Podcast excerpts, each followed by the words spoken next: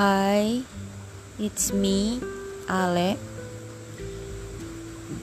in struggle again. And this is the last struggle in this year, of course, 2021. And here I am in 2022 for 16 minutes ago. Sebenarnya mau recap sih dari tadi, cuma karena emang tadi rada hektik ngurusin banyak hal termasuk mengurusi sepupu-sepupu dan adik yang lagi liburan. Jadi ya udah diundur sampai tahun depan alias hari ini malam ini. Um, mungkin mau cerita dulu kali ya tahun baru ini literally tidak bereaksi apa pun. I mean, kayak I don't have emotion anymore. Aku udah habisin seluruh emosiku di tahun ini. Kayak nangis, marah, capek, kesel. Itu udah udah habis udah habis semua rasanya di tahun 2021 yang sisa cuma ketawa sih. Nggak tahu ini sebenarnya ketawa apa cuma ketawa ini cukup banyak mengartikan betapa betapa preciousnya kehidupan di tahun 2021 like siapa yang sangka? Bahkan sebelum tahun 2021 mulai aja udah ada konflik. Udah ada konflik udah ada masalah yang aku turut dilibatkan di sana. Ingat banget tahun baru tahun lalu tuh bener-bener yang kayak lagi lagi galau-galaunya habis putus. Terus tiba-tiba ada laporan sepupu kena mental health jadi uh, of course yang harus menemani dan harus ikut membantu adalah me the oldest. Dan waktu itu tidur cepet. Ingat juga tadi diceritain tidur cepet because aku capek. Like literally capek banget. Capek mental capek hati semua dah itu sebelum tahun baru sampai tahun baru. Kemudian insiden my mother. It's ridiculous. And maybe it's labeling from this year. I really really struggle with that problem because of that. Like everything was messed up because of that problem. Kayak nggak ada yang menyangka aku bakal merasakan hal yang selalu aku dengar hal yang selalu aku baca hal yang selalu aku lihat dari orang-orang di sekitar ataupun dari cerita-cerita yang ada. Dan aku mengalaminya dan I don't know orang akan menganggap ini sebagai hal yang sama seperti yang orang-orang lain rasakan but it's so hard. It's really hard for me honestly. So when I'm finished that problem I really really relieve my stress.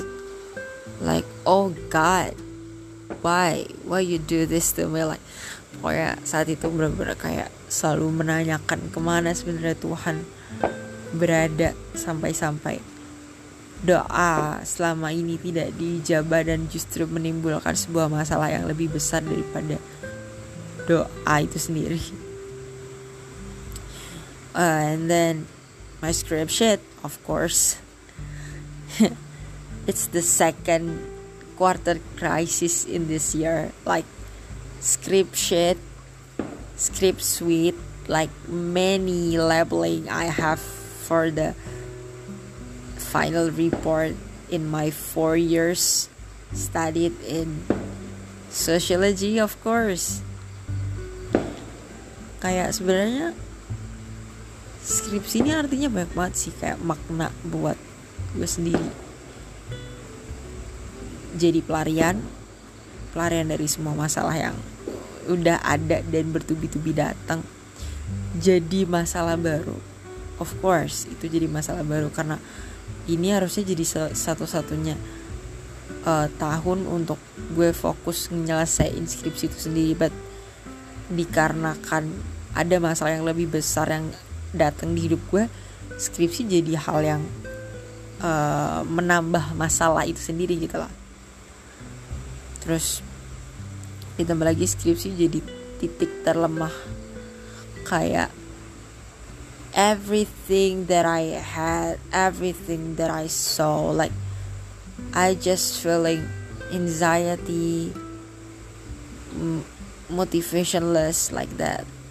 Kayak banyak banget hal yang bisa tiba-tiba muncul ketika udah capek banget ngerjain skripsi. Termasuk sering tiba-tiba nangis di kamar. Kayak the climax itu pas tahun pas November lalu pas lagi revisian. Kayak kaget banget tiba-tiba dosen. Cuma apa namanya uh, ngebales chat bilang kalau gimana kamu ini udah ditunggu lama baru kirim sekarang? Uh rasanya kayak dunia runtuh. Kayak selama 4 tahun kuliah tuh udah sia-sia banget dah. Kayak si dosen tuh udah mengecap jadi anak yang paling kayak teledor istilahnya kayak gitu itu asli nangis banget kayak knockdown like oh my god you're a procrastinator like right now. And your lecturer was mad. Really really mad. Ngerti gak sih? Itu sih. But of course I'm really glad when I'm graduate. Emang kesenangannya cuma sehari sih. Senangannya sehari kayak ya udah graduate lihat anunya cum laude nama ada nama sama kita di samping ada cum laude gitu. Oh wow I'm so happy. And then di hari itu juga harus foto wisuda with my family.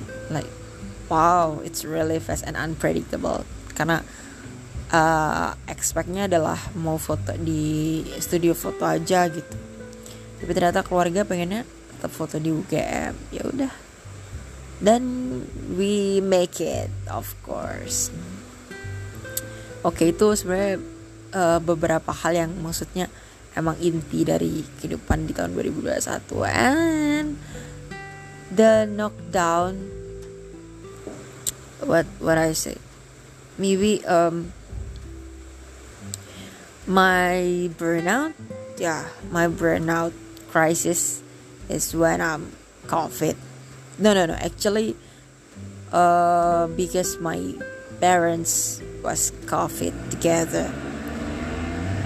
Oh my god. Dengar gak sih? Sorry ini lagi di rumah tante yang jaraknya sama jalan deket banget. Oke lanjut. Jadi bener-bener kayak tiba-tiba di saat lagi ngerjain skripsi gitu istilahnya di Jogja terus dapat kabar kalau orang tua ternyata kena covid. Oh my god. It's really really hard. Kayak what did I've done gitu? Why my parents was covid? Like it's a karma for them or what? Gitu. Jadi bener-bener yang kayak bingung campur aduk harus ngerasain apa. Tetap sedih lah. Ya siapa yang nggak sedih dan shock gitu ngeliat orang tua kita kayak lemes dan apa yang kita bayangkan selama ini tentang sebuah penyakit yang bikin seluruh dunia itu sengsara gitu. Dan ini menimpa keluarga gue sendiri. Dan termasuk orang tua gue. Jadi kayak wow wow knockdown banget. Apalagi waktu itu di Jogja juga lagi krisis banget lagi lockdown oh, terus ngelihat ada ambulan lewat waktu itu. Wah nangis banget kayak oh my god terus gimana orang tua di rumah dan sebagainya dan sebagainya dan sebagainya. Pokoknya pikirannya udah ke mana-mana udah kalut banget. Maybe because of that karena itu gitu ya imun gue jadi lemah. And after two weeks my parents uh, was secure. And then me